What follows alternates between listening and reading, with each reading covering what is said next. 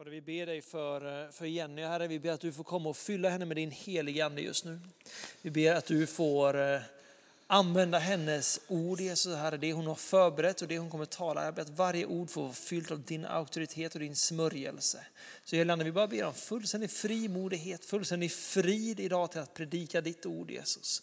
Så Helige Ande, vi ber dig, använd henne, välsigna henne och smörj henne för den här predikan, för den här stunden, Herre.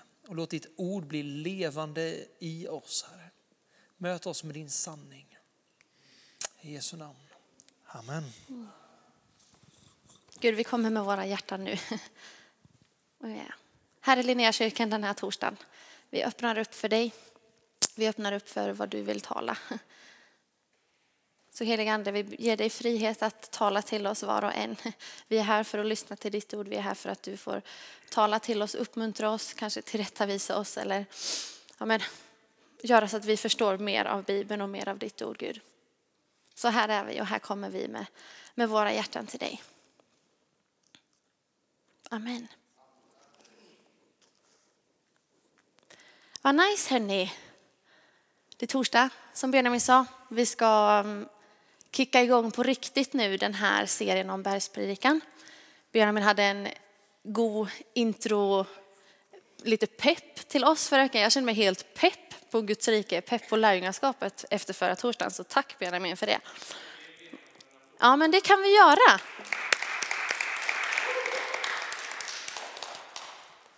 Ehm, och eh, nu ska vi börja grotta ner oss i bibeltexten eh, i Jesu undervisning.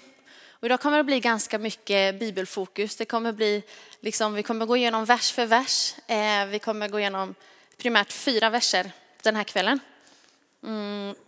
Och det är eh, första verserna så. Jag har kallat eh, den här kvällens eh, tema för en lärjunges attityd. Och ja, verserna vi kommer läsa är Matteus evangeliet 5, 1-6. Innan vi läser vill jag ge en liten kort bakgrund. I Gamla Testamentet finns det en kille som heter Mose. Mose fick ta emot eh, lagar och regler från Gud för Guds folk att följa.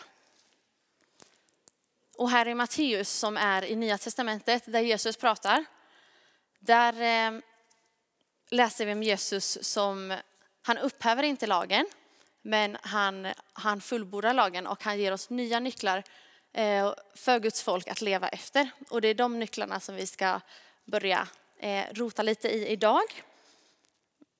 Han ger oss lite principer som bör praktiseras i hans rike, i Guds rike. Och när Jesus pratar om det här riket, Guds rike eller himmelriket, eh, så skiljer det lite, sig lite från den här världens rike. Benjamin liknade det förra veckan vid att det blir en kulturkrock. Och det är minst sagt vad Jesu ord som vi ska läsa här blev till lärjungarna när han undervisade dem på, på berget. Och eh, jag tror att det kommer bli minst lika mycket kulturkrock för oss här idag. Eh, och hela den här våren egentligen när vi ska läsa Jesu ord samtidigt som vi ska se på Göteborg, Sverige, världen 2019 och se att det här kommer krocka lite och skava lite så ska vi prata om skillnaderna här emellan. Och bergspredikan som det här eh, stycket kallas i Matteus 5, 6 och 7. Det är ett, eh, ett bibelställe, en undervisning för lärjungar som vill. Jesus eh, har tagit, det är en stor folkskara, men de han talar till är sina lärjungar. Och det är lärjungar som redan har tagit emot Jesus, som vet vem Jesus är och som längtar efter att få bli mer lik Jesus. Att på heltid tjäna Gud och leva i närhet med Gud. Men det går heller inte som lärjunge och som längtan att leva det här i egen kraft. Utan vi behöver den heliga ande. Men vi återkommer till det lite senare.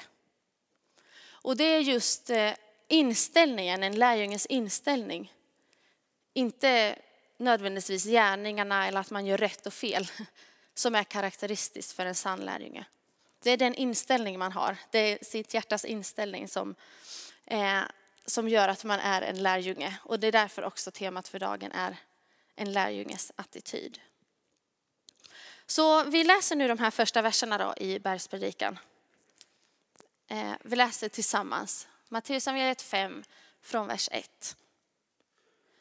När Jesus såg folkskarorna gick han upp på berget. Han satte sig ner och hans lärjungar kom fram till honom. Då började han tala och undervisa dem. Han sa så här. Saliga är de som är fattiga i anden, för de tillhör himmelriket. Saliga är de som sörjer, för de ska bli tröstade. Saliga är de ödmjuka, för de ska ärva jorden. Saliga är de som hungrar och törstar efter rättfärdighet, för de ska bli mättade. Det här stycket eh, fortsätter också med några fler så här saligprisningar som det kallas. Och det här stycket kallas för det. Och det är faktiskt ett litet märkligt ord, salig. Jag vet inte hur ofta ni stöter på det ordet i er vardag. Eh, men det ordet kan man översätta till lycklig. Men eh, jag vill också poängtera att det här är mer än liksom, yes jag vann på lotteri, jag är lycklig nu, jag fick en miljon. Eller yes, jag har det så bra, jag är lite lycklig nu. För det är oftast en ganska tillfällig lycka. Och det här ordet salig, det är liksom, man är lyckligt lottad, man är djupt tillfredsställd. Eh, man är evigt lycklig. Eh, så det är, jag kommer använda både ordet salig ikväll och lyckligt lottad. Men när jag använder lyckligt lottad så vill jag att ni har i bakhuvudet att det inte liksom bara, woho, livet är bra just nu, utan det är liksom den här djupa lyckan.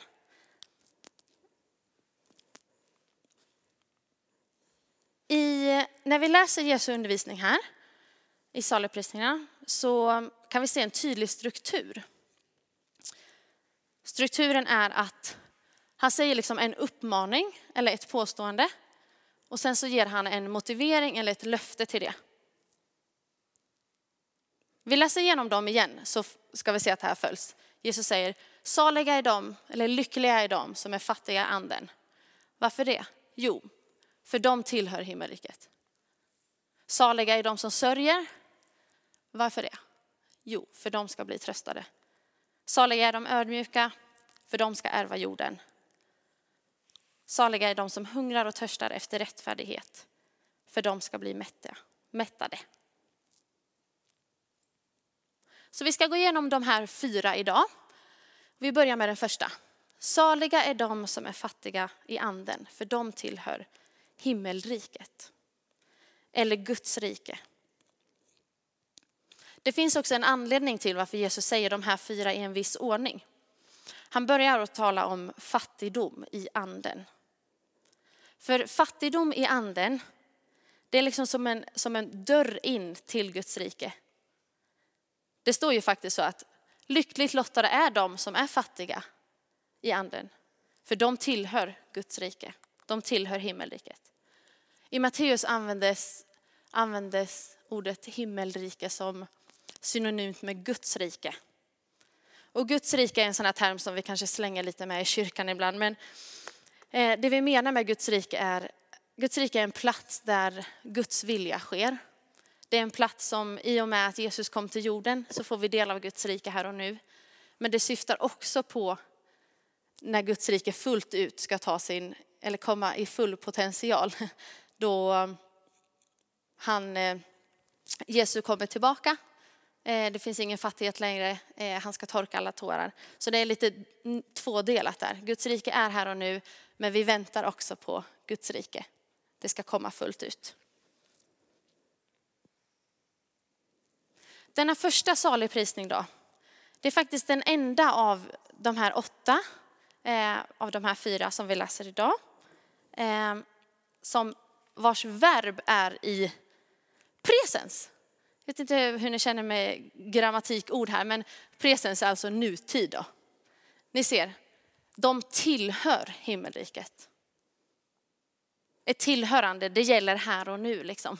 Det är inte de ska tillhöra himmelriket framöver, utan de tillhör himmelriket. De är del av Guds rike. Så vi fördjupar oss lite då i detta ord. Jesus använder begreppet de fattiga. Vilka är då de här fattiga? Är du och jag inräknade där? Eller vad menar Jesus egentligen när han säger så? I Bibeln i Gamla Testamentet så användes begreppet de fattiga för de som lider av orättvisor, förtryck, oförtjänt fattigdom, som är svaga och i behov av stöd från samhället eller Gud. Det innefattar också de som är lite mer liksom i allmän nöd. Och i Nya Testamentet där användes också ordet fattig. Flera gånger ges det liksom en vidare innebörd än bara ekonomisk fattigdom, att man har lite pengar.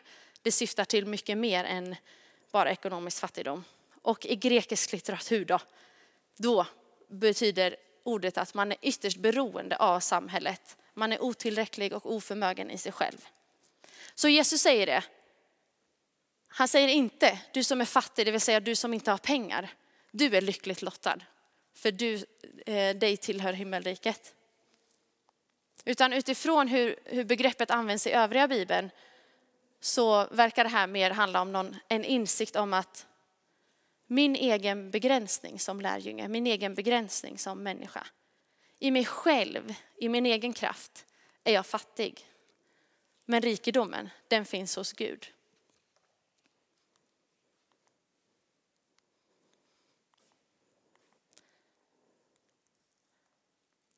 Fattighet är kanske inte det ord som klingar eh, mest positivt när du hör det. Och det är inte så populärt kanske i samhället idag heller. Och det är det här jag tycker är det mest intressanta med den här versen. Den är liksom i total kontrast till vår nutids syn på rikedom. Samhället säger, lycklig eller välsignad, salig är den som är rik, den som har sitt liv under kontroll, den som har status, den som har utbildning, den som har mycket pengar. Och Jesus säger, lycklig är den som är fattig. Ni ser skillnaden här va? Det här är verkligen ett typexempel på den här krocken som händer när vi ställer Jesu ord bredvid vår omvärld.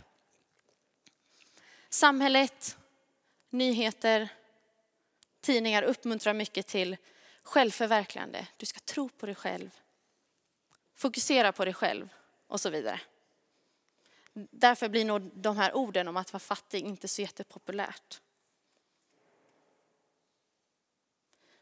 Det står i kontrast då till det som Jesus pratar om. Avsäg dig högmod. Ha inte egoistiska ambitioner.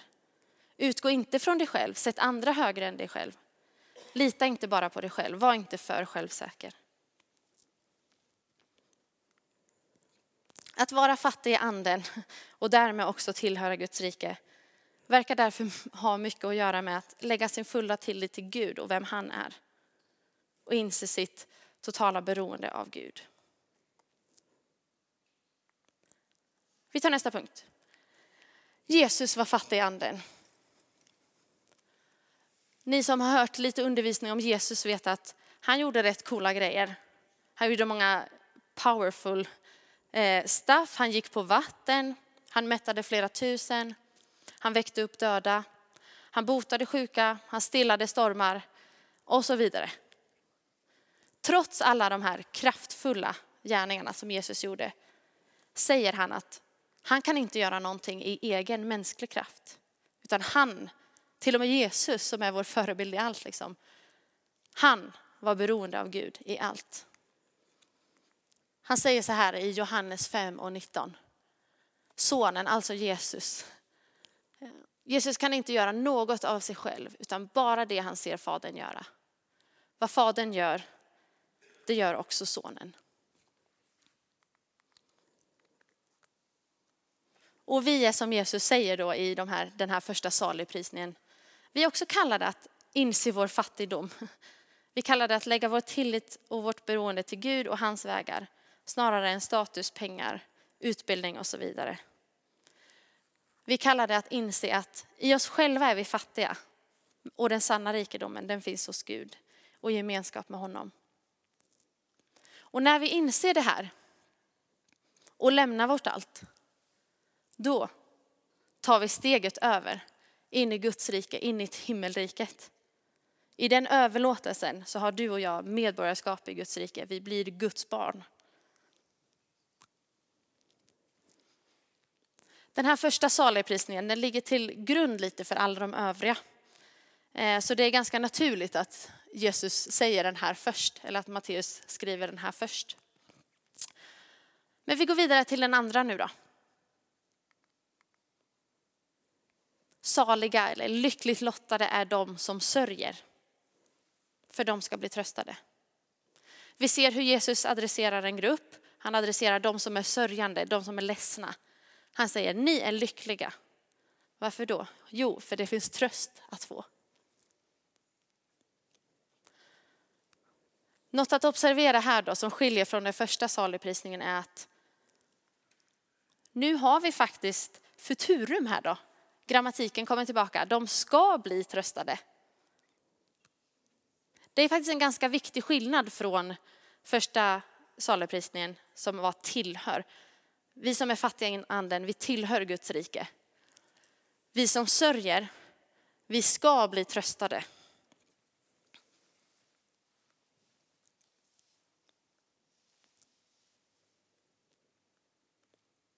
När då tänker man kanske då? Så här är det med alla andra övriga saligprisningar förutom den här första om fattighet i anden. Den, den bygger till stor del på den här framtida Guds rike, där Guds rike fullt ut har tagit sin plats. Men som vi vet och som jag nämnde i början så finns det också Guds rike. Guds rike eh, visar sig här och nu också. Därför finns det tröst att få även på jorden. Det här grekiska ordet som man använder för sörjer, det är det starkaste ordet för sörjande. Det är det ordet som används när, i Gamla Testamentet när Josefs pappa får veta att Josef är död, hans älskade son, hans älsklingsbarn om man nu får uttrycka det så. Då används det här ordet för sorg. Så det är inte bara sorg över att jag vill ha en ny bil men jag har inte riktigt råd eller sådana liksom lite mer världsliga grejer. Också det här ordet skiljer sig ganska mycket från världens syn. I världen eh, och i samhället idag så är det ganska svårt att prata om sorg. Man ska helst undvika det och man uppmuntrar folk, lämna dina bekymmer, fokusera på det positiva istället. Och i likhet med den här första saluprisningen som inte handlar om ekonomisk fattigdom utan fattigdom i anden så gäller det även för den här andra.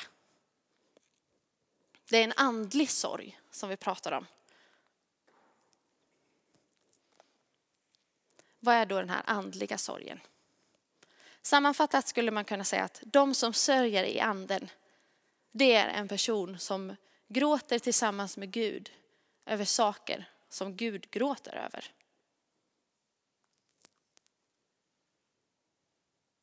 Det är en liten spännande tanke med att tänka, vad är det som får Gud att gråta? Vilka saker är det? Är det vår ovilja att älska våra fiender? När vi vägrar vända andra kinden till fast han har kallat oss till det? Är det sorg över människans girighet, kärlek till pengar, orättvisa, krig? Sättet vi behandlar hemlösa, flyktingar, över vår kärlek till materialism. Jag vet inte riktigt vad som får Gud att gråta. Det finns en sång som, eh, en sångfras i en sång som går så här. Break my heart for what breaks yours. Som blir en bön till Gud att Gud, det som får ditt hjärta att brista, låt det också få, vara, få göra så att mitt hjärta brister. Och när vi lever Gud, nära Gud, då kommer vi automatiskt sörja över det som Gud sörjer över. Och den bönen är väl helt fantastisk att be eh, varje dag eller regelbundet. Gud, låt mitt hjärta få brista för de saker som ditt hjärta brister för. Låt mig gråta för det som du gråter för. Men då är det också lite konstigt, varför är man så himla lyckligt lottad då om man sörjer?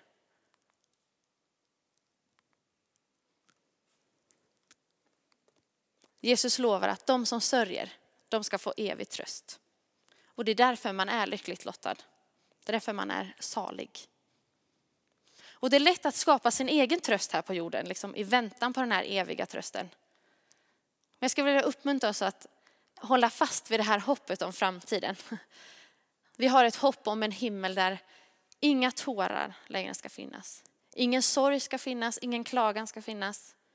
En framtid där sörjande människor blir evigt tröstande, tröstade. Men det finns också tillgång till tröst redan här och nu.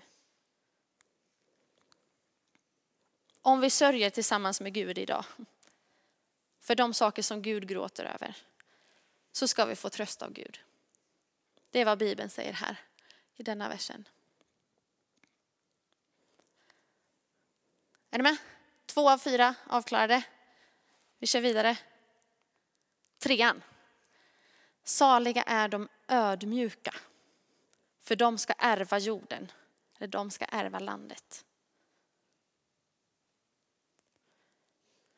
Ödmjukhet, det är också ett sånt där ord som jag kan slänga ut mig lite nu och då utan att typ riktigt tänka vad det betyder. Men jag har funderat lite på vad betyder det egentligen och vad är det Jesus uppmuntrar oss till nu att söka för attityd när han uppmuntrar oss att söka ödmjukhet. Så motsatsen till ödmjukhet, det är högmod. Och en högmodig människa, hon tror sig veta allt, var lite bättre än andra, tycks klara allting själv. Och Jesus uppmuntrar oss, avsäg dig det där skiten. Välj ödmjukhetens väg. Och den bästa förebilden vi någonsin har och kan ha inom ödmjukhet, det är Jesus själv. Vi ska läsa från Filipperbrevet 2, vers 5 11. Det här är en uppmuntran eh, till oss, en uppmaning till oss att var så till sinnes som Kristus Jesus var.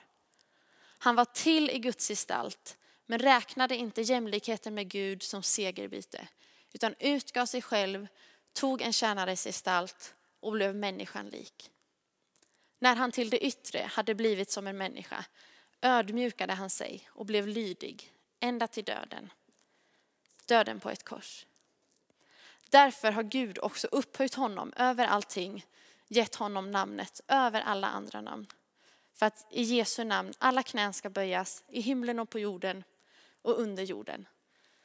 Och alla tungor bekänna att Jesus Kristus är Herren, Gud Fadern till ära.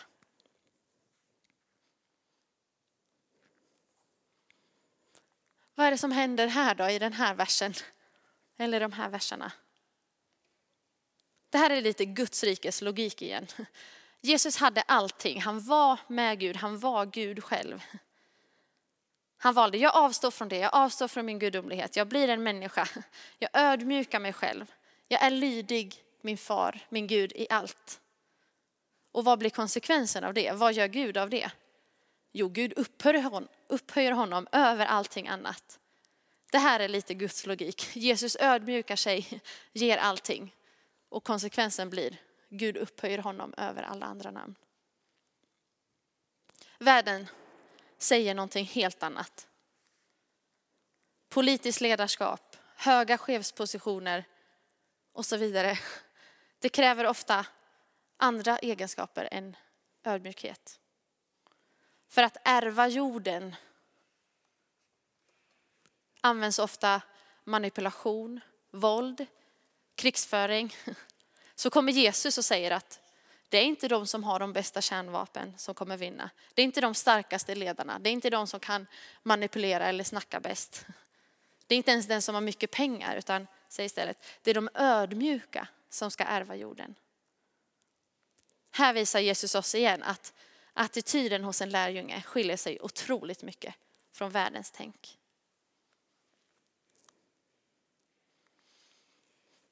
Så vi är kallade till den här samma ödmjukhet som Jesus har. Den tåliga ödmjukheten. Colin Dye eh, säger så här om vilka de ödmjuka är. De är inte vanliga människor som går sin egen väg. Utan de är Jesu efterföljare som alltid går Guds väg.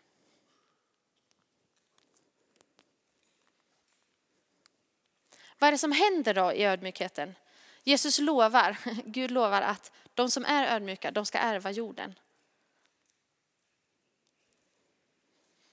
Vi kan eh, läsa från eh, Jakobsbrevet 4 och 10.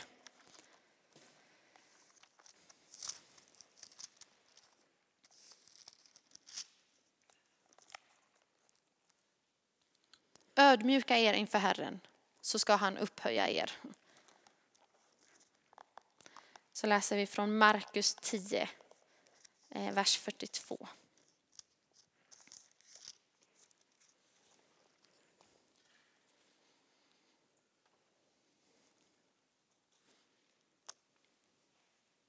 Jesus kallade till sig dem och sa, ni vet att de som anses vara folkens herre, folkens ledare beter sig som herrar över dem och att deras stormän härskar över dem.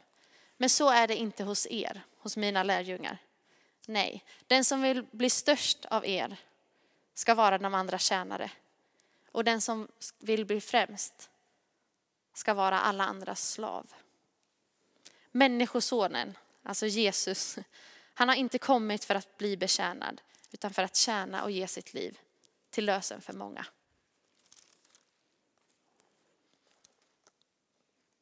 Så det här löftet, Guds löfte om de som ska ärva jorden, det pekar framåt.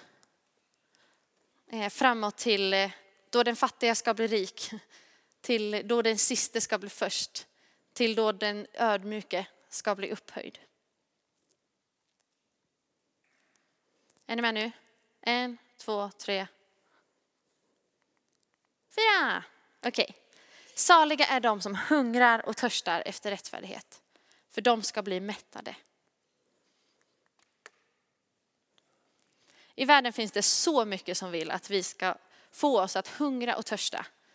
Jag läste igår när jag scrollade lite på Facebook en reklam som kom upp. Så stod det så här, if you can't stop thinking about it, buy it. Och så var det typ en tröja eller jag tror det var klänningar typ. Ehm, till en sida, alltså, kan du inte sluta tänka på det, då borde du köpa det. Hela reklambranschen går ju ut på att få oss som kollar eller läser någonting att inse vårt behov av just den där tandkrämen, den där robotdammsugaren, den där tröjan och så vidare. Och visst kan det ibland vara ganska tillfredsställande. Köpa någon ny grej eller smaka någon god ny mat eller något. Men den tillfredsställelsen, den går faktiskt alltid över. Vi blir hungriga igen eller vår robotdammsugare går sönder.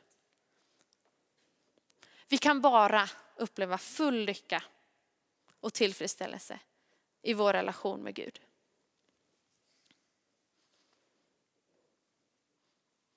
Världen försöker säga oss något helt annat. Det går att finna lycka i världen genom att göra sökandet efter lycka till den högsta prioriteten i ditt liv.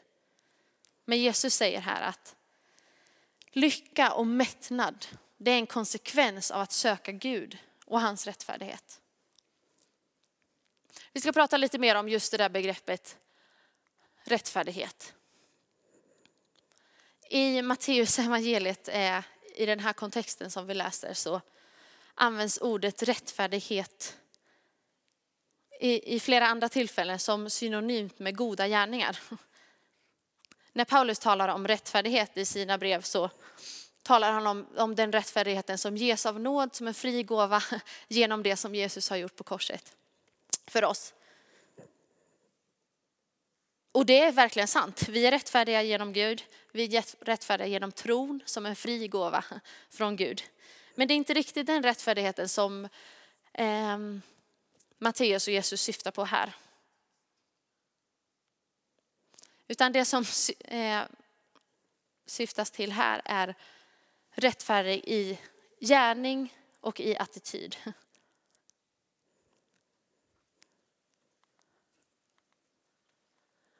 Eh. Ja, Jesus säger så här i Johannes evangeliet i vers 4, kapitel, kapitel 4, vers 34. Min mat är att göra hans vilja som har sänt mig och att fullborda hans verk. Drivkraften för Jesus det är att göra Guds vilja. Och det innebär ju också då att i vissa fall frånsäga sig sin egen vilja. Att bekänna att Guds tanke, Guds vilja och Guds plan, det är ett bättre alternativ än min egen tanke och min egen plan.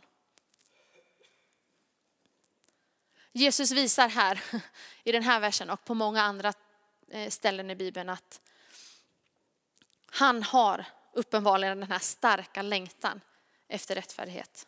Han har den här hungern till att göra Guds vilja, att ha en sån attityd. Han säger ju så att lyckligt lottade är de som hungrar och törstar efter den här attityden av goda gärningar. De som hungrar och törstar efter rättfärdighet. För de ska också bli mättade. Att törsta och hungra efter rättfärdighet, det borde därför då vara samma sak som att hungra efter Gud, törsta efter att hans agenda får vara det viktigaste i mitt liv. Längta efter att få behaga Gud i allting, i gärningar och i sin attityd. När blir man mätt då? Den här grammatiken igen. De ska bli mättade. Futurum, framtida form. Han säger faktiskt inte rakt ut när det här kommer ske. När blir man egentligen mätt? Men i andra Korinthierbrevet i kapitel 3 så berättas det om det nya förbundets härlighet. Och där redogörs det att redan nu får vi del av det här livet. Redan nu får vi del av den här rättfärdigheten. Och samtidigt när vi läser i andra Petrusbrevet kapitel 3 och vers 13 står det, undrar om jag har det här. Nej, det är min lilla slutsats jag har där då. Ehm, efter hans löfte ser vi fram emot nya himlar och en ny jord där rättfärdighet bor. Så vi vet alltså inte alla detaljer om när, var och hur. Det vi vet är att när Guds rikes fulla kraft har plats, då kommer alla som hungrar och törstar efter goda gärningar och efter mer av Gud få sina behov mötta. Alla kommer bli mätta.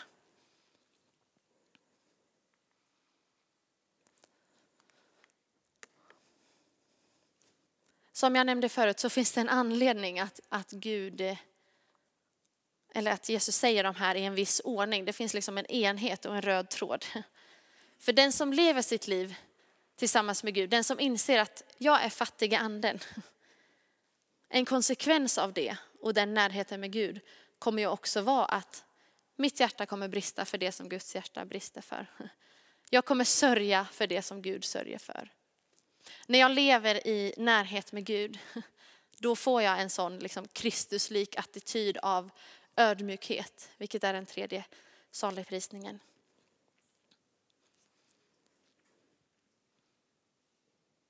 När jag lever nära Gud så inser jag att det här är det bästa någonsin. Och då kommer jag hungra och törsta efter att göra hans vilja. Jag kommer hungra och törsta efter att vara i hans närhet. Eh, jag kommer hungra och törsta och jag kommer inse att det är bara Gud som kan mätta den här hungern och det här behovet som jag har. I nästa kapitel i Matteus så lär Jesus oss att be så här.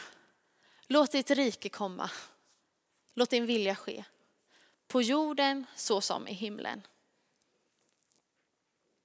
Och det som är så otroligt coolt är att när vi ber det här och när Gud tar makten och när hans rike tar form, då vänds alla våra mänskliga värden upp och ner. Den som sörjer blir tröstad, den fattige blir rik, den som förföljs kommer få uppleva frihet, den hungriga blir mätt. Och det här livet i Guds rike, när hans rike får komma, där han är kung, det uppmanas vi här i Linnéakyrkan att att leva efter, för vi är hans lärjungar. Vi kallar oss att sträcka oss efter den här livsstilen, efter de här attityderna, efter de här inställningarna. Och när vi söker de här lärjungaattityderna av ödmjukhet, sätta andra högre än oss själva, ha vår fulla tillit till Guds kapacitet istället för vår egen, att hungra och törsta efter mer, att hålla våra hjärtan rena. Resultatet av den längtan är att vi blir mer lik Gud och vi blir mer lik den som Gud har skapat oss till att vara. Så salig prisningarna, detta fromma fina ord. Det som vi har läst idag, det kännetecknar den lärjunge som lever helt överlåten till Gud. Helt överlåten till hans plan. Inte i egen kraft, kom ihåg. Fattig i sig själv, rik i Gud. Som lever i eh, helt överlåten Gud i den helige Andes kraft. Så det vi har pratat om idag, det är att leva nära Jesus. Att låta sig ledas av den helige ande och inse sitt fulla beroende av Gud. Vi klarar inte det här i egen kraft. Ingen här inne klarar att vara ödmjuk i sig själv. Ingen klarar att eh, inse sin egen fattigdom och inse rikedomen i Gud om inte heligande överbevisar oss om det. Vi behöver ständigt låta oss fyllas av den helige Ande, inbjuda honom att verka i oss, inbjuda honom att liksom ta styrspakarna så att vi får haka på. För när vi umgås med heligande som är Gud själv, då blir vi mer lik Gud. Då får vi präglas av de här attityderna som en, som en lärjunge, eh, som karaktäriserar en lärjunge. Vi ska se vad som händer nu. Ja, vi är beroende av heligande. Eh, ska vi ställa oss upp och så välkomnar vi heligande.